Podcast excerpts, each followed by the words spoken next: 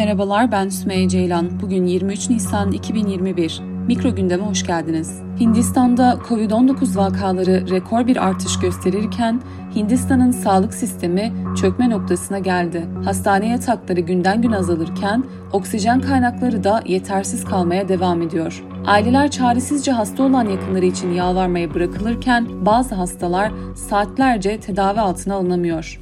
Bu durumda krematoryumlar toplu cenaze törenleri düzenliyor. Cuma günü Hindistan 332.730 yeni koronavirüs vakası bildirdi ve ikinci kez dünya rekoru kırdı. 24 saat içinde 2263 kişi öldü. Hindistan'ın en çok etkilenen eyaleti Maharashtra oksijen kaynağı yetiştirme sıkıntısıyla karşı karşıya. Aynı zamanda sıkça çıkan aksilikler durumu daha da kötüleştiriyor. Eyaletin başkenti Mumbai'de Covid hastalarını tedavi eden bir hastanenin yoğun bakım ünitesinde çıkan yangın sonrasında en az 13 hasta öldü.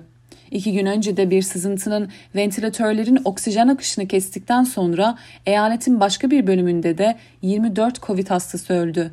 Cuma sabahı Delhi çevresinde 10 özel hastane işleten Max Healthcare iki tesisinde bir saatten az tedarik kaldığını söyleyerek bir SOS mesajı yayınladı. Durum daha sonra çözüme kavuşturuldu. Hindistan'ın virüsün ikinci dalgasında bir dizi faktörün tetiklediği vakalar arttı. Örneğin sağlık protokolleri gevşemiş ve maske zorunlulukları düzensiz olarak uygulanmıştı. Milyonlarca insan 10 gün önce Ganj Nehri'nde büyük bir dalışla sonuçlanan bir Hindu festivaline katılırken bir çift mutant ortaya çıkarak yeni virüs vakaları da yine ortaya çıkmış oldu. Hindistan Başbakanı Narendra Modi en çok etkilenen eyaletlerin siyasileri ve oksijen üreticileriyle toplantılar düzenlemeye başlasa da virüs bu kadar yayılmışken ne kadar etkili olacağı merak konusu. Beni dinlediğiniz için teşekkür ederim. Bir sonraki mikro gündemde görüşmek üzere.